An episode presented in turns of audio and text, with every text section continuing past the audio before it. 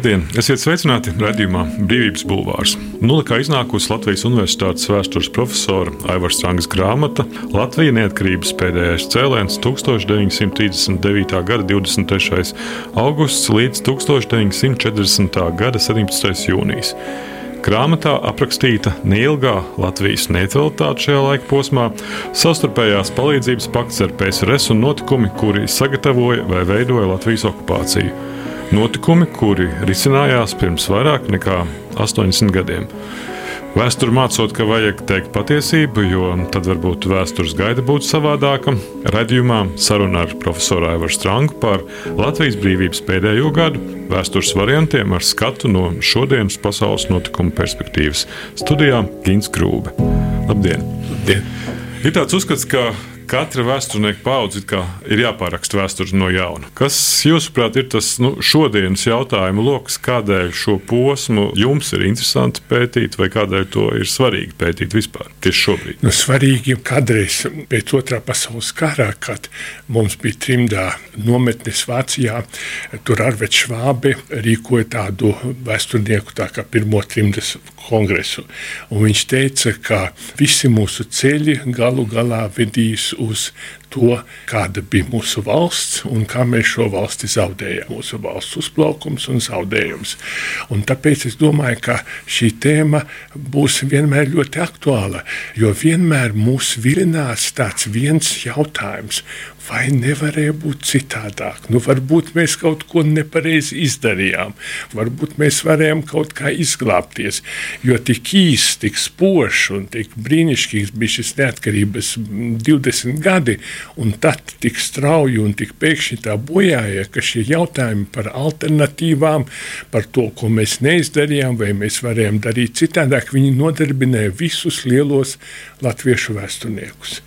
Piemēram, tādā dižā grāmatā kā Dunsdorfs, kā Ļomaņa dzīve, tas nodarbināja dižo Edgara Andersonu Latvijas ārpolitikas divos sējumos. Es domāju, ka šiem jautājumiem mēs pievērsīsimies nepārtraukti. Tas ir nenovēršams jautājums. Cik lielā mērā jums pat ir liederīgi nodarboties no nu, vēstures variantiem, ja vēstures gaita būtu bijusi nu, savādāka? Skaidrs, ka novērst bojā ejo pēc tam, kad divi tirāni, visspēcīgākās kontinenta valstis, vienojās par mūsu bojāēju, novērst mēs nevarējām. Kādreiz mēs tā arī pats jaunāks, kad bija daudz rakstījām, ka ja mēs būtu demokrātie vai ne, nu, ja mēs būtu demokrātie, mēs aizietu bojā citādāk. Mēs aizietu bojā, bet droši vien citādāk ar citādiem cilvēkiem. Mēs šodien pat nevaram iedomāties, kas tie būtu kolaboracionisti, bet tādi droši vien tiktu atrasti vai ne. Nu, tad dažreiz mēs domājam tā, varbūt, ja mēs būtu stiprāk turējušies pie tautas savienības, varbūt tas mums būtu līdzējis. Bet, diemžēl, lai cik solīda nebija šī organizācija, viņi neizglāba nevienu valsti. Neviena valsts neizglābās. Un Somija izglābās ne tāpēc, ka viņa turējās pie tautas savienības, bet viņa fanātiski karoja, un viņai bija daba, milzīgs spēks, daba, šie aizsardzības resursi, ziema vai ne, un fantastiska, gandrīz reliģioza somu ticība, ka viņiem jākaro. Par Somiju mani īpaši interesē tas, ka Somijā atšķirībā pat nu, neatšķirībā, bet zināmā mērā līdzība Latvijai arī bija bijis ļoti asins pilsoņu karš. Īsts pilsoņu karš. Mums bija stučkas agresija, atnāca padomu Krievijai. Bet Somijā bija īsts, ļoti asiņains pilsoņu karš. Desmitiem tūkstoši cilvēku aizgāja bojā. Bet tad, kad Krievi uzbruka Somijai, viss tas aizmirsās. Somu strādnieks, kurš dažreiz pirms tam lietoja dzimteni pēdiņās, viņš momentāni šīs pēdiņas atmeta. Bija jākaro, jācīnās par savu dzimteni, fanātiska ticība. Nu, mums tādas varbūt iespējas nebija. Mēs varbūt nebijām tik fanātiski uzticīgi neatkarībai, un mums, protams, nebija arī tādu resursu, dabas resursu vai ne. Bet, nu, vēlreiz atbildot uz šo jūsu ļoti sarežģīto jautājumu, es domāju, ka katra paudze paies 20 gadi, un kāds jauns vēsturnieks atkal rakstīs un rakstīs par šo laiku, vai ne par to, kā mēs piedzīvojam tādu um, neatkarības mikrēsli, kā mēs aizgājām bojā, vai varējām varējām kaut ko citādāk izdarīt. Nu, piemēram, Dunsdorfs kādreiz rakstīja tā, ja laupītājs iebrūk jūsu mājā, jums vismaz jākliedz. Tā ka nu, Ulmanim būtu bijis vismaz jākliedz 39. gadā, bet visumā mēs, nu, ja klieciens nevienmēr izglāb no laupītāja vardarbībām, bet nu, visumā mēs arī nekliedzām. Jūs kādreiz teicāt, ka Ulmanis apvērsumu 34. gadā sagatavoja tehniski briljanti labāk viņš būtu šīs spējas izmantojis citos momentos, 39. vai 40. gadā.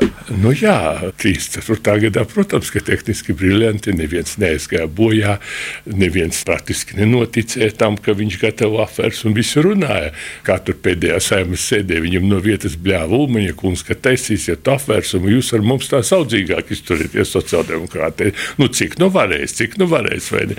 Bet viņiem likās, ka viņi ir pateikuši kaut kādu joku, lai faktiski viņš no saimnes saimnes sēdes aizgāja gatavot apvērsumu. Bet nu, jūs iepriekšējā grāmata Kāļa Ulmaņa autoritārā režīma saimnieciskā politika no 34. līdz 40. it kā dekonstruēja nu, šo Ulmaņa zelta laiku mītu. Kādā ziņā nu, jaunā monogrāfija par 39. un 40. gadu ir kaut savā ziņā nu, ne tikai chronoloģiski, bet arī tāds nu, loģisks turpinājums. Nu, ja nebūtu bijis šis autoritārais režīms, kas tieši būtu bijis savādāk šajā posmā? 39. un 40. gadā. Jā. Ja nebūtu autoritārais režīms, nu, iedomājieties, būtu saima vai ne, būtu partijas, nu, visticamāk, viss notiktu tāpat, kā viņš līdz tam notika. Krievija izvirzītu mums savas prasības, aicinātu mūsu delegāciju, bet nu, viena lieta, kas noteikti būtu, mēs būtu garīgajā ziņā vairāk sagatavoti tai traģēdijai, proti, brīva prese, pastāvētu brīvi viedokļi. Nu, piemēram, Rīgā bija viens no labākajiem krievu laikrakstiem visam pasaulē, Sivotņiem. Un Sivotņiem bija demokrātisks laikraksts un ļoti kritiski pret komunistisko Krieviju. Nu, nav iedomājams, ka, ja nebūtu Ulmaņa apvērsums, ka Sievodņa nu, teiksim, tā vienkārši sagramotu to, kā aicina mūsu ministru, ka uzspiež mums bāzu līgumu vai ne, bet 39. gadā Sievodņa jau bija nacionalizēts un neko nevarēja rakstīt. Visticamāk, ka būtu viedokļu apmaiņa, domu apmaiņa, strīdu apmaiņa, ļoti karstu strīdu apmaiņa, vismaz garīgi būtu vairāk sagatavoti, lai arī godīgi sakot, sagatavoti kam? Nu, būtu vairāk sagatavoti bojā ejai. Bet jūs arī esat kādreiz uh, teicis par to, ka Ulmans nekādi nevarēja novērst okupāciju un nevajadzētu mums arī viņu apsūdzēt par to, jo ne, ne, ne. tur vainīgs ir Staļins. Un, jā, jā, tā būtu vislielākā kļūda šodien, teiksim, mesties un teikt, ka viņš ir pie kaut kā vainīgs. Viņš nav vainīgs, viņš okupāciju nevarēja novērst, bet nu, viņš varēja, teiksim, vairāk teikt tautai patiesību vai ne. Nu, viņš varēja sasaukt parlamentu, kas apgrūtinātu Krieviem šo darbību. Un, protams, vislielākie pārmetumi viņam attiecas uz 17. jūniju, īpaši uz šo skandalozi neveiklo un nožēlojamo runu, ka mūsu valstī ienāk draudzīgās valsts karaspēks, un es lūdzu šo draudzīgās valsts karaspēku uzskatīt par draugiem. Tā ir tā pati runa, palieciet jā, savās vietās, jā, es palieku jūs, savā vietā. Haralds Biezējs, mūsu lielais zinātnieks un teologs, Zviedrijā rakstīja, ka nosaucot okupantus par draugiem un aicinot pret viņiem izturēties kā pret draugiem, viņš ir aizvainojis latviešu tautu. Jo, protams, vēlreiz saku, to jau es grāmatā arī rakstu, ja Latvija būtu pretojusies, uzreiz būtu deportēti visa armija, aizsargi. 50-70 tūkstoši cilvēku no Baltijas bija sagatavos deportācijas plāni jau 40. gada jūnijā, 9. jūnijā Černišova gulaga priekšnieka plāni. Taču viss pārējais, kas sekoja, Kirkensteina nominēšana, visa šī nu, teiksim, visu aktu parakstīšana, ieskaitot tādu kā aizsargu likvidāciju, ko viņš pats bija izveidojis 19. gada martā, līdz pat ziedojumu sarkanai palīdzībai, ko Gatis Krūmiņš mm. pirms pāris gadiem atklāja. To visu varēja nedarīt. Nu, godīgi sakot, nu, jā, jūs traudat mums ar pārspēku, tad mēs to pieņemam, nu, bet pārējais tad tiek iet galā, kā jūs gribat. Bet Krievi arī ļoti ļoti veiksmīgi Ulmani iebiedēja. Nu, piemēram, tā demonstrācija 21. jūnijā ļoti liela, starp citu, diemžēl demonstrācija. Daudzi latvieši aizgāja demonstrācijā. Pēc demonstrācijas daudzoņas devās pie pils. Pie pils viņi ārdījās Ulmani uz kalnciemu, tas uz kalnciema raktuvēm vai ne. Nu, es citēju grāmatā, ka Krievu sūtnis saka, ka Ulmanis piezvanīs uz Krievijas vēstniecību un lūdzis apsardzi. Nu, vai Ulmanis personiski zvanīja uz Krievu vēstniecību šaubos, visticamāk zvanīja Rudu Rudums, viņa sekretārs, bet viņš bija iebiedēts. Un Krievi atsūtīja apsardzi, viņi atsūtīja apsardzi pilī, ka viņi ņem viņu kaut kādā savā aizsardzībā. Višinskis viņam ļoti glaimoja, teiksim, vienmēr uzsvēra prezidenta kungs, jūs esat ļoti cienījams. Nu, varbūt pēc šī 17. jūnija varēja rīkoties ar tādu stiprāku mugurkaulu, bet novērst 17. jūniju, protams, viņš nevarēja. Amerikāņi par slepeno protokolu bija informējuši Latvijas sūtni Maskavā Frits Kociņu, bet liekas, vēl ne Latvijas sūtni ASV dr. Alfrēdu Bilmanu. Taču Kociņš tam neticēja, toties ticēja vāciešu melīgajiem mierinājumiem. Saņemto informāciju uz Rīgu viņš nosūtīja ar lielu novēlošanos, un arī tur nevēlējās šo baigo, liktenīgo informāciju saprast un akceptēt. Tā profesors Strānga Latvija neatkarības pēdējais cēliens. Bet kā viņi uzzināja, jo presē jau par to nerakstīja? Presē par to nerakstīja, bet baumas jau ir autoritāra apstākļos, baumas ir alternatīvs medijs. Par to sāka rakstīt rietumu presē, vai ne Daily Express, piemēram, rakstīja 26. augustā, ka laikam tas ir noticis, vai ne. Par to sāka runāt. Nu, tas jau bija kaut kas neticams, jo ārēji iedomāties sešus gadus komunisti un nacisti bija lamājuši viens otru īpaši no komunistu puses, kas tur tik ne tika rakstīts par tām briesmām, kas tur notiek. Lai arī briesmas Naciskā Vācija bija daudz mazākas nekā komunistiskajā Krievijā līdz 39. gadam, līdz uzbrukumam Polijai. Un amerikāņiem bija ļoti labi informācijas avoti, un viņi par to informēja.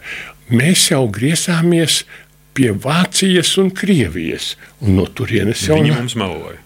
Viņi meloja, jā, Krievi gan teica, ka sabiedrības nomierināšana tā ir jūsu iekšējā lieta. Viņai tāda cinisma pateica, tas nav mūsu lieta nomierināt jūsu sabiedrisko domu.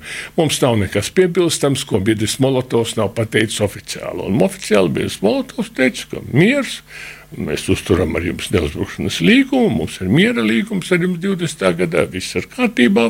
Un ko jūs vispār te uztraucieties? Viss taču jums ir pateikts. Brīvība, robežas, personība, vara, tauta, ideja, viedoklis, nākotne, dzīve un attieksme. Raidījums Brīvības Bulvārs. Vēstures profesors Aivars Strānga ir dzimis 1954. gadā Rēzeknē. Studējis vēsturi Latvijas valsts universitātē kopš 1902. gada, vēstures zinātņu doktors, Latvijas Universitātes vēstures katedras profesors. 2019. gadā saņēmis triju zvaigžņu ordeni, vairāk nekā 100 zinātnisku publikāciju un 20 grāmatu autors un līdzautors. Savos darbos analizējis gan ebreju kultūru Baltijā, gan Latvijas ārpolitiku 20. gadsimtā, gan Kārļa Ulmaņa autoritāro režīmu un Latvijas okupāciju. Jums 2014. Eh, gadā tas bija īsi pēc um, Krimas okupācijas žurnālā ir žurnālisti vaicāja, vai pašreizējie notikumi Ukrainā, tas ir toreiz 14. gadā, jums raisa vēsturiskas asociācijas, un jūs teicāt, protams, 38. gadā daļa Čehoslovākijas tika atdota Hitleram cerībā, ka viņš paņems tikai vācu apdzīvotās teritorijas, bet nākamajā gadā viņš savāca visu Čehoslovākiju. Tikai tad, kad tas notika rietumiem, Čemberlenam atvērās acis, ka viņi ir krāpti ir pagājuši gandrīz astoņi gadi. Tas jautājums jau kļūst pats par sevi banāls, kāpēc mēs no vēstures nemācāmies. Nu, nu, protams, ka no vēstures nemācās. Bet redziet, es ceru, ka varbūt ir kaut kāda analoģija tomēr tagad ar 39. gadu. 39. gadā Hitlers okupēja visu atlikušo Čehoslovākiju. Nu, Slovākija kļuva par tādu marionetisko valsti. Un tagad tās dusmas par to, ka viņi ir piekrāpti, bija tik lielas rietumos. Pēkšņi viņi atzina, ka viņi ir krāpti. ka viņus visu laiku ir krāpuši. Un šīs dusmas par to, ka viņi ir krāpuši, viņus cīna pat galējībā. Viņi uzreiz piešķīra garantijas Polijai, ko faktiski viņi nekad agrāk nebūtu darījuši. Iespējams, ka tagad arī šīs vismaz vilšanās, ja ne dusmas par to, ka viņi ir krāpti, liks vairāk atbalstīt Ukrainu, apziņā, ka viņi ir krāpti. Lai arī es nezinu, vai viņu vidū ir tādi kā Čemberlens, mēs viņu ļoti kritizējam, bet viņš vismaz pēc 39. gada nekādu vienošanos ar Hitleru vairs nepieļāva. Viņš aizrakstīja Hitleram vēstuli 39. gada augusta beigās, un šī vēstule ir ļoti nozīmīga. Viņš vēstulē raksta: Kanclera kungs, ja jūs domājat, ka mēs neizpildīsim savas saistības pret Poliju, jūs ļoti dziļi maldieties. Es lieku jums to saprast, ka tagad mēs šīs saistības pildīsim. Tā ka varbūt tagad arī šī vilšanās par to, ka viņi ir piekrāpti kopš 2014. gada vairāk, varbūt liks vairāk, konsekventāk atbalstīt Ukrainu un varbūt sudīs ilūzijas par Putinu. Bet jūs arī savas grāmatas nosaukumā liekat Latvija neatkarības pēdējais cēliens. Savā ziņā jūs izvēlaties nu, teātris terminoloģiju, likt virsrakstā pēdējais cēliens. nu, jā, nu, jā, kas īsti nu, ir šajā te teātris dramaturģijā, vai jūs tur redzat, ka tur ir kaut kādas līdzības? Nu, droši vien ir kaut kādas līdzības, vai ne? Tas ir tas, kā neizbēgami tuvojas gandrīz ar tādu grieķu traģēdijas nenovēršamību vai ne? Un kā viņš tuvojas, dažreiz mēs to neapzināmies. Viņš tuvojas straujāk, kā mēs gribam. Nu, iedomājieties, teiksim, 17. jūnijā, 40. gada 17. jūnijā mēs tikām okupēti. Bet pirms pāris dienām vēl Latvija apmeklēja viens Krievu ģenerālis, kas faktiski faktiski inspicējušiet karaspēku okupāciju, tāds ģenerālis Loktionovs. Un Munters uzrakstīja piezīmes sakarā ar viņa apmeklējumu, ar tikšanos, ar vakariņām. Tas ir, man liekas, 11. jūnijas, ir palikušas sešas dienas. Muntera piezīmes ir ļoti optimistiskas. Mums bija dzīva saruna. Es viņu uzaicināju vēlreiz apmeklēt mūsu zemi, uz ko ģenerālis atbildēs, ka viņš apmeklēšot mūsu zemi vēlreiz. Viņš apmeklē mūsu zemi pēc pāris dienām, ka okupācijas karaspēka spēka vadītājs. Tātad kaut kādā veidā šī traģēdija, šis atrisinājums, viņi tuvojas, un daļa no mums nemaz to neapzināmies. Varbūt tāda apziņas kulminācija tāda bija Daugopils dziesmu svētki ka trīs reizes koris nodziedāja Dievs svētī Latviju. Trīs reizes milzīgais koris, Teodora Reitera vadītais 11 tūkstoši cilvēku lielais koris, 100 tūkstoši apmeklētāji. Trīs reizes 15. jūnija vakarā nodziedāja Dievs svētī Latviju. Acīm redzot, šeit kaut kur zemapziņā izpaudās ka acīm redzot, mūs gaida kaut kas briesmīgs un baigs. Mūsu zemē kopš šī rīta ienāk padomju karaspēks. Tas notiek ar valdības ziņu un piekrišanu, kas savukārt izriet no pastāvošām draudzīgām attiecībām starp Latviju un Padomju Savienību. Es tādēļ vēlos, ka arī mūsu zemes iedzīvotāji ienākošās karaspēka daļas uzlūko ar draudzību.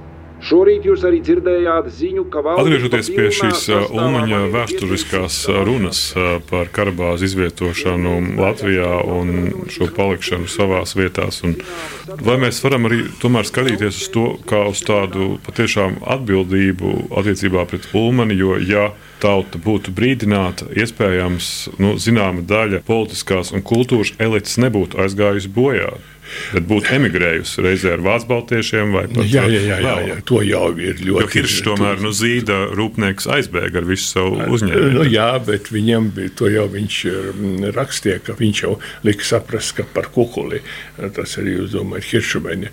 To jau Edgars Nuntors savā lielajā darbā to ģeniāli pasaka, ka faktiski ar šo savu neiecietību nedodot, piemēram, ārzemju pases. Ārzemju pases bija atņemtas, bija divi veidi pases. Viņš nedēva iespēju izglābties. Skaidrs, būsim godīgi. Neizglābtos daudzie. Nu, nu, zemnieki nebēgtu, par to šaubu nav. Bet daļa no inteligences, daļa no, nu, kā mēs saucam, tā nosacīta buržāzijas, noteikti varētu izglābties. Nu, to viņš nevēlējās. Ulmanis, un te jau es grāmatā rakstu, ka faktiski šī doma, ka atņemt pases, tā laikam pieder Monteram. Tā ir visumā ļoti ļauna doma. Arī ar vācu baltiešiem. Turpat vairāk teica, ka ne tikai lai viņi tur, nu, ja kāds aizbrauks, bet nedod Dievs, ka viņi kaut ko saņems par to, kaut kādu kompensāciju. Tas gan būtu briesmīgi, ja viņi aizbrauktu un nu, mēs maksājām Vācijai vai ne par īpašumiem, ko viņš šeit atstāja. Un ja mēs viņiem vēl atstātu kaut kādu kompensāciju, tā bija tāda šaušķidība. Šodien mēs nezinām, cik tūkstoši emigrētu, cik daudzas valstis mūs ņemtu pretī. Tas arī ir jautājums ļoti būtisks. Nu, Vācija droši vien paņemtu vairāk pretī, varbūt Zviedrija kādu daļu paņemtu. Kad viņš šajā slavenajā runā 12. oktobrī teica, nu, lai tie brauc, bet uz neatgriešanos. Ja kāds grib braukt kopā ar vāciešiem, bet uz neatgriešanos. Un zālē atskan milzīgi aplausu. It kā viņš ir pateicis kaut kādu lielu atklātību. Bet es vēlreiz gribētu teikt, šai grāmatā es, uh, viņa nav domāta kā ulmaņa nosodījums, varbūt vairāk kā izpratne, jo nosodīt jau ir ļoti vienkārši. Vairāk varbūt mani pārsteidz dažreiz tāds, piemēram, ticība tam, ka Stalins bija teicis Munteram, mēs jūsu iekārtu neaiztiksim. Jūs to izdarīsiet paši. Jā, jā, jā. arī to viņi izdarīs paši, kad pienāks laiks. Tie Stalina vārdi tika citēti nu, kā vienkārši augstākā atklāsme. Lai arī būtībā, ja tas būtu patiesībā, tā būtu bijis, jo Stalins bija absolūts autokrāts, bet diemžēl šie vārdi bija meli. Savukārt Ļeņingradas kara apgabala militārais izlūkdienests 23. septembrī secināja, ka Igaunijas pečoras apriņķa krievu iedzīvotāji gatavojas sacelties, ja Igaunijā tiktu izsludināta mobilizācija. Viņu vidū esot izplatīti uzskati, ka PSRS palīdzēja Ukraiņiem un Baltkrieviem Polijā, palīdzēs arī mums. Tiesa, Izlūks dienas ziņojumā bija teikts, ka šīs ziņas vēl jāpārbauda. Tā kā redzams, tika attīstīta brālīgās palīdzības pēdiņās tēma. Tā profesors Strānga savā grāmatā Latvijas neatkarības pēdējais posms. Brālīgotā palīdzība brālīgajām tautām. Nu, tā nelaime viņiem bija, ka nekādu nesacelšanos te nebija, nemieru nebija, un valdības stāvokli visumā ļoti labi kontrolēja, bet viņi vienmēr to Tas ir absolūti viņa doma par to, ka šeit ir rezerve visiem viņiem simpatizējoša. Nu, piemēram, bija taču ziņojums, kur es citēju, ka viņi pat uzzina. Bet kā bija, vai tas bija tāds? Nu, daļai bija, daļai bija neapšaubāmi. Protams, tā laika Krievi bija, nebija viendabīgi. Bija neliela daļa tā saucamo balto Krievu. Tas ir tie, kas bija karojuši par Latvijas neatkarību, kas bija karojuši par Judeniču vai kuri bija atbēguši no sarkanās Krievijas. Tādi bija 20 tūkstoši. Tie bija pilnīgi nelieli nelabojami padomu varas ienaidnieki. Un viņus visus arī savāca 41. gadā un nogalināja. Viņu lielākie vadītāji, Diderovs un Līvens, gan paspēja nomirt 37. un 38. gadā. Bet, protams, ka daļa gaidīja Krievus neapšaubām sarkanošos krievus gaidīja vai ne.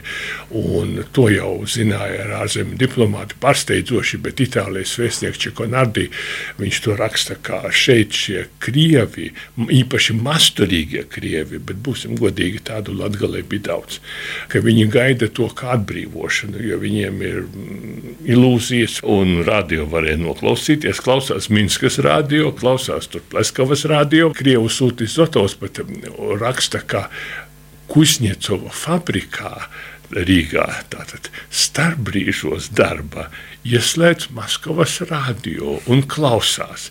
Un, ziniet, bija vēl viens vilinājums, kas viņus pavada totāli Dunajevska muzika. Tā bija fantastiska, melodiskā, šī talantīgā Dunajevska un Lebedeļa kumača dziesma, šuraka astronāra, maija rodnāja, drugoja, tako es vēl neņas. Šīs dziesmas bija tāds – kominternes importa produkts, ko šeit patērē milzīgā mērā. Īpaši maigā vara. maigā vara, vara bija baigi maigā. Un otrā maigā vara bija padomu filmas. Viņas arī ļoti daudziem patika. Latvijā viņas izrādīja vai ne, un politpārvalde ziņo, ka filmu laikā arī atskan tur saucieni ja ir balgvardus, tad citā vajag vai ne. Neidealizēsim vietējos krievus, neidealizēsim. Bija ļoti daudz lojālu krievu, bija ļoti daudz apolitisku krievu, varbūt pat lielākā daļa krievu bija apolitiski, bet bija pietiekoši daudz tādu, kas gaidīja sarkano armiju. Bet cik liels, piemēram, arī vēsturiski raugoties uz to 39. 40. gadu un mūsdienām, cik liels ir tas spēles laukums mazajām valstīm vispār iespējams, nu, ja notiek šādas uh, lielvaru attiecību kārtošanas? Arī uh, Ukraiņas kontekstā ļoti bieži bija šīs bažas par to, ka ar aizdomām tika apskatītas jebkuras gan Šolca sarunas ar, ar Putinu, gan Makrona sarunas ar Putinu un tam līdzīgi. Protams. Un tam visam bija šīs vēsturiskās aizdomas. Tas, ja jūs esat maza valsts, no tā jums pilnībā izvairīties laikam nav iespējams. Taču šodien Atšķirībā no 39. gada mēs dažreiz sakām, ka Molotovs ir, bet Ribbentropa nav. Šodien ir tikai kaut kādas nožēlojamas Ribbentropa paliekas, kaut kādi Ribbentropisma elementi. Nu, teiksim, tur Makrona nepārtrauktās sarunas ar Putinu, Šolca braukšana, bet tāda Ribbentropisma nav. Nu, Vistuvāk, man liekas, Ribbentropismam nonāca Donalds Trumps. Un tā bija patiešām baiga alternatīva, kāda būtu. Nepatika pret NATO, nepatika pret demokrātiskām valstīm, draudzībā ar autokrātiem. Tas, kas man šodien baida, ka nedodies viņš vēlreiz kandidēs un varbūt pat uzvarēs, ņemot vērā to, ka Amerikā saimniecībā nemaz tik labi neiet demokrātiem. Tā kā no mazas valsts stāvokļa ir grūti izvairīties. Taču pašreizējais starptautiskais stāvoklis mazām valstīm ir mazāk draudīgs nekā viņš bija 30. gados. Viņš nevarētu teikt, ka viņš ir pilnībā nedraudīgs, bet viņš ir mazāk draudīgs. Politiķi uzvaras pieminiektu demontāžu nosauc par vēstures laikmeta beigām. Kādā ziņā mēs varam nu, domāt par to, ka šādi notikumi ir uh, vai kam ir kaut kādas laikmeta beigas, kaut kāda cita laikmeta sākums. Kā vēsturnieks var zināt, ka laikmets beidzās? Nu, jā, sākās? tur laikam būtu jābūt ļoti uzmanīgiem, jo vienu reizi mēs jau iekritām ar Francisu Fukujamu un ar vēstures galu, jā. ar vēstures galu un ar liberālismu triumfu. Un izrādījās, ka ne vēsturē pienāca gals, ne liberālisms tā triumfēja pat Amerikā ar Donaldu Trumpu. Tā kā ar vēstures galu galu būtu jābūt uzmanīgām, bet visumā kopumā tas ir ļoti nozīmīgs notikums, jo ļoti daudz ko mēs uztveram caur simboliem.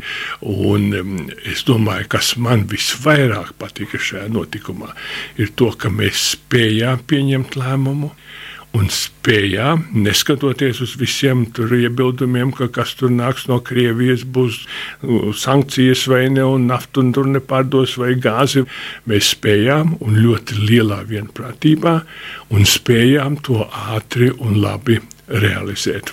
Es domāju, ka rīcības spēja kopš 24. februāra, kopš uzbrukuma Ukrainai, šī nosiecīgā, es domāju, ka mūsu politiku rīcības spēja man šķiet ir pieaugusi un pozitīvā nozīmē, un to es vērtēju kā ļoti pozitīvu. Vai tas ir tā jauna vēstures gals, to mēs nezinām, bet kāds ļoti nozīmīgs, ļoti pozitīvs posma gals gan ir. Paldies! Tas bija Latvijas Universitātes profesors uh, Aivars Stranga, radījuma vadījies Gins Grūbe, ierakstīja Toms Šits un montēja Nora Mītspapa. Paldies! Paldies! Jums. paldies.